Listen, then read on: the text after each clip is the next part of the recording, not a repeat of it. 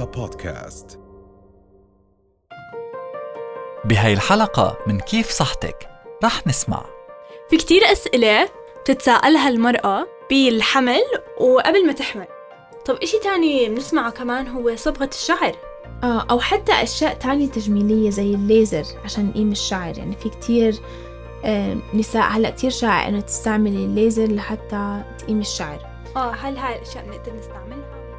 الليزر آه، حاليا أو بنحكي بشكل عام الدراسات ما بينت سلامته أو ضرره على الحمل. عشان هيك إحنا عادة بنقول للسيد الحامل ابعدي عن الليزر آه، ما في حلقة جديدة. مع نادين وداليا بكيف صحتك؟ في كتير أسئلة. بتتساءلها المرأة بالحمل وقبل ما تحمل. وفي كتير يعني إشاعات إنه إيش لازم ناكل شو لازم نعمل شو لازم ما ناكل شو لازم ما نشرب. فاليوم رح نسأل الدكتورة دينا أخصائية نسائية وتوليد وعلاج عقم عن الأسئلة اللي فكرنا فيها اللي ممكن المرأة الحامل أو ما قبل الحمل تفكر فيها. فخلينا نشوف نفكر إيش ممكن أسئلة الامرأة الحامل تسألها.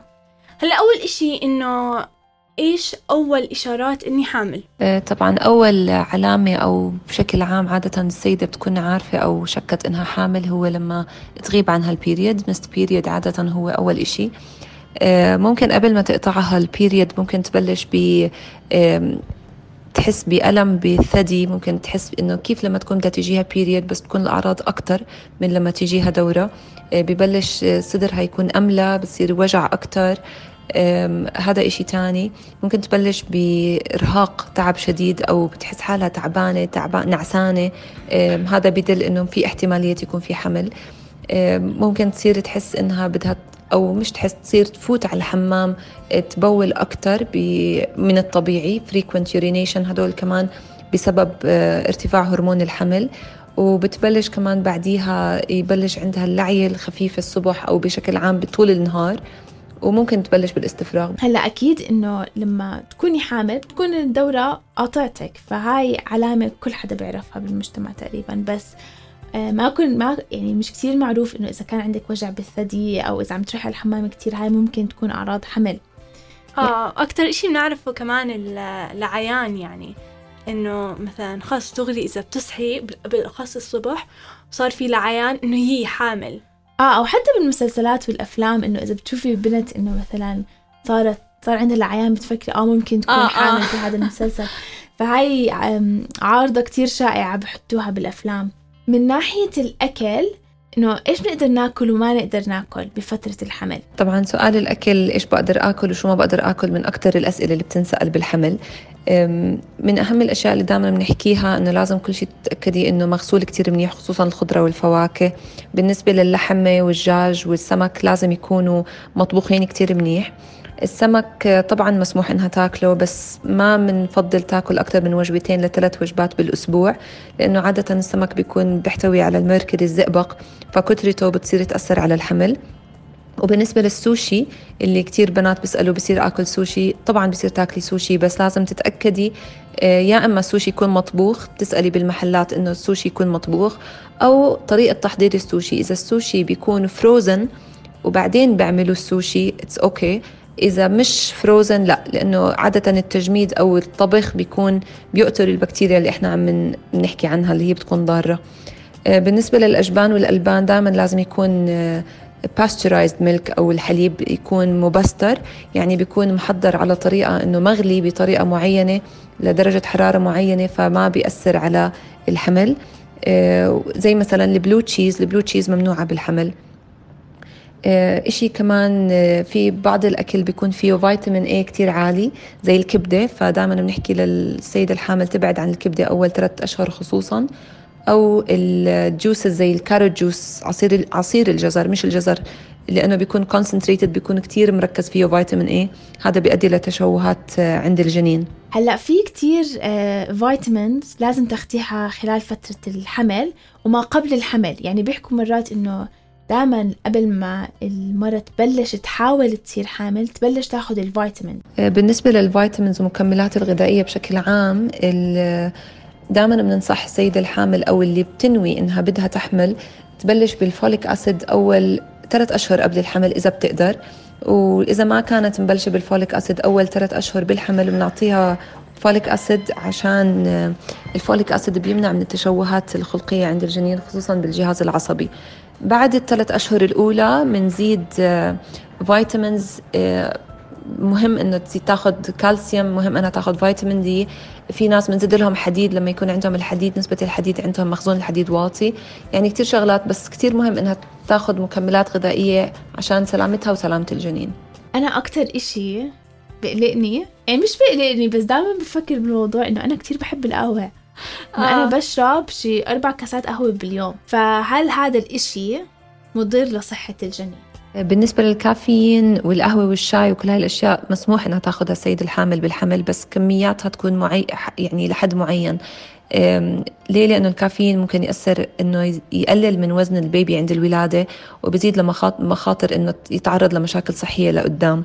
وكمان إنه ممكن إفراط بتناول الكافيين ممكن يؤدي للإجهاض هلأ كمية الكافيين المسموحة بالحمل هي 200 ملي جرام يوميا.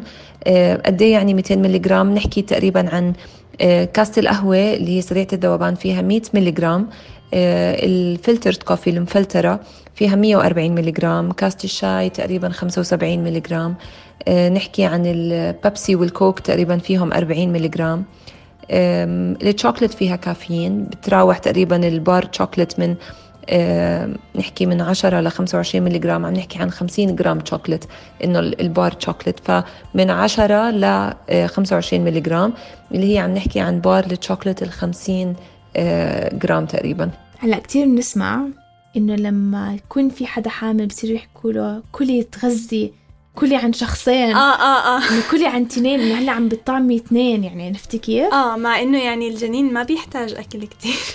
آه ما هو الجنين مش بني آدم كامل بيحتاج أكل زيك. إنه أكيد رح تحتاجي لسعرات حرارية أكتر من لما تكوني انت مو حامل.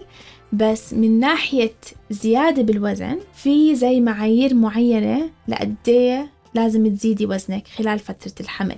بالنسبة لزيادة الوزن اللي بتخاف منه كل وحدة حامل هو بيعتمد على قد إيه وزن البنت أول ما تحمل.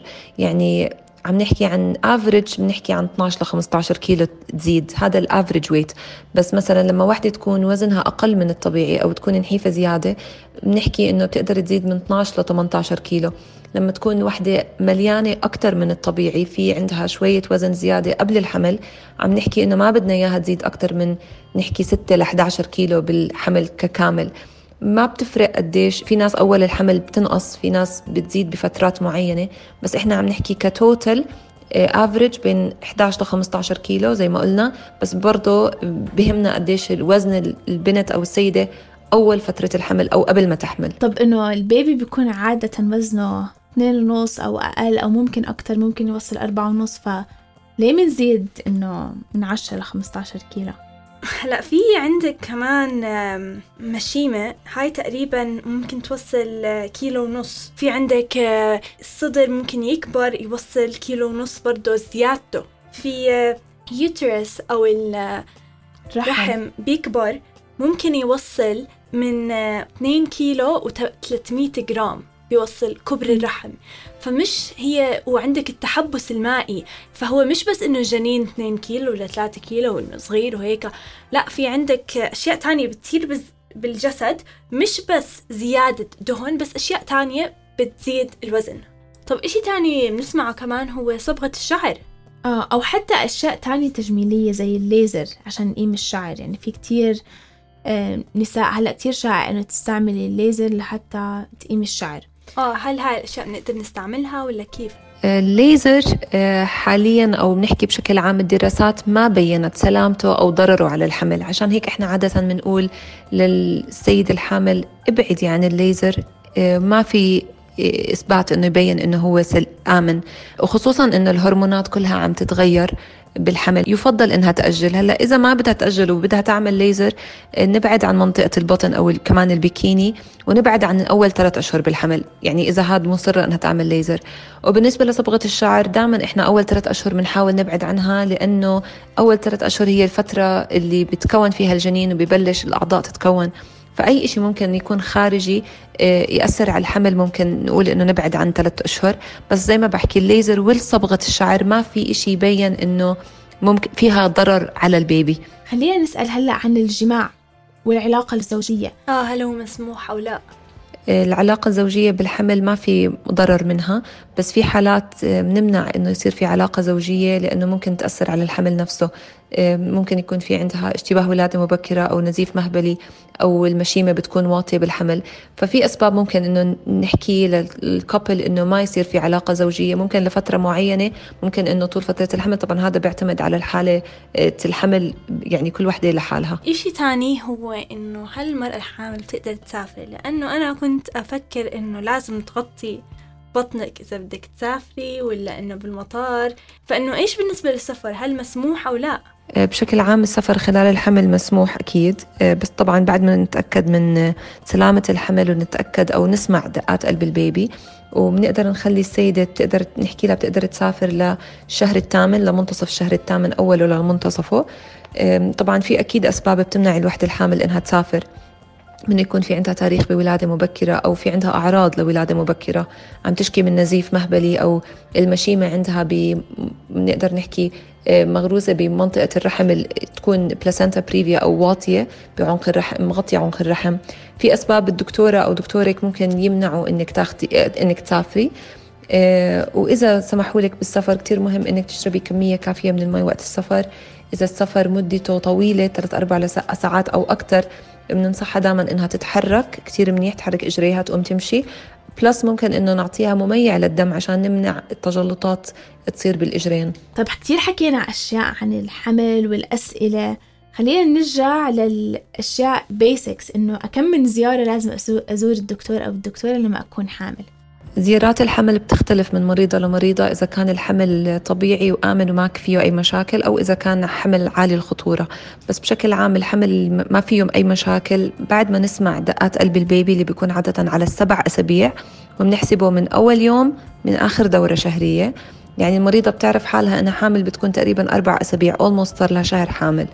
من لما نسمع دقات قلب البيبي بتصير تتابع كل شهر عند الدكتورة وبعدين لتوصل 28 أسبوع تقريبا بالشهر السابع بتصير كل أسبوعين بالسابع وبالثامن بتكون كل أسبوعين وبعدين بالشهر التاسع بصير كل أسبوع. هذا لأنه في شغلات معينة بنتابعها أثناء الحمل ولما تكون المريضة حملها عالي الخطورة زي لما يكون عندها مشاكل صحية لما يكون حمل بتوأم أو لما يكون في أشياء معينة بالحمل الزيارات عادة بتصير أكثر من الحمل الطبيعي. وأكيد لما بالشهر السادس والسابع بصير آه، البطن بيكبر بتصير. ففي سؤال دائما إنه بخطر ببال معظم النساء إنه إمتى رح أحس البيبي عم بتحرك جواتي؟ بعتمد حركة البيبي إمتى بتحس فيها السيدة الحامل حسب آه، إذا هو أول بيبي أو مش أول بيبي؟ عادة الأول بيبي بتحس فيها تقريبا نحكي على 20 أسبوع آه، لأنه بنحسبه بالأسابيع الحمل. اللي ما بيكون أول بيبي يعني تاني ثالث and so on بتحس فيه قبل بوقت عادة نحكي بين 16 ل 18 أسبوع. طب كيف بدي أعرف حالي إذا صار عندي طلق؟ لأنه كتير في مرات بصير في طلق كذبة بسموه أو طلق غير ح- آه، حقيقي بتحسي في آه، الرحم عم بتحرك بس ما بيكون طلق طبيعي ما بيكون آه. طلق ولادة. فكيف تفرقي هذا الطلق عن الطلق الطبيعي أو الطلق الولادة؟ آه، علامات الولادة مختلفة وممكن تبلش قبل التاسع طبعا بس آه، عشان نعرف إنه بلشت آه، حالة الولادة بدها تبلش بانقباضات هاي الانقباضات بتكون متباعدة بتبلش بوجع بالظهر وبأسفل البطن بتروح وبتيجي آه، مدتها مع الوقت بتصير أقل وحدتها بتزيد. وبتصير بتصير أقرب على بعض وبتصير منتظمة. بتكون مش منتظمة وبتصير منتظمة أكتر. هذا أول إشي. تاني إشي ممكن ينزل على المريضة آه، سوائل اللي هي بنحكيها مية الراس. اللي بتكون على شكل آه، تدفق كبير يعني مي كتيرة نزلت بين إجريها. أو ممكن تكون على آه، فترات صغيرة يعني عم تنزل كميات شوي شوي عم تنزل. الإشي الثالث ممكن ينزل عليها إفرازات مخاطية مصحوبة مع شوية دم.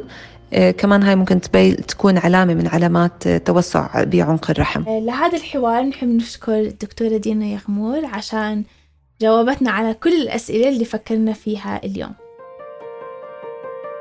إذا حبيتوا محتوى هاي الحلقة تابعونا على إنستغرام كيف دوت صحتك أو كيف صحتك بالعربي. رؤيا بودكاست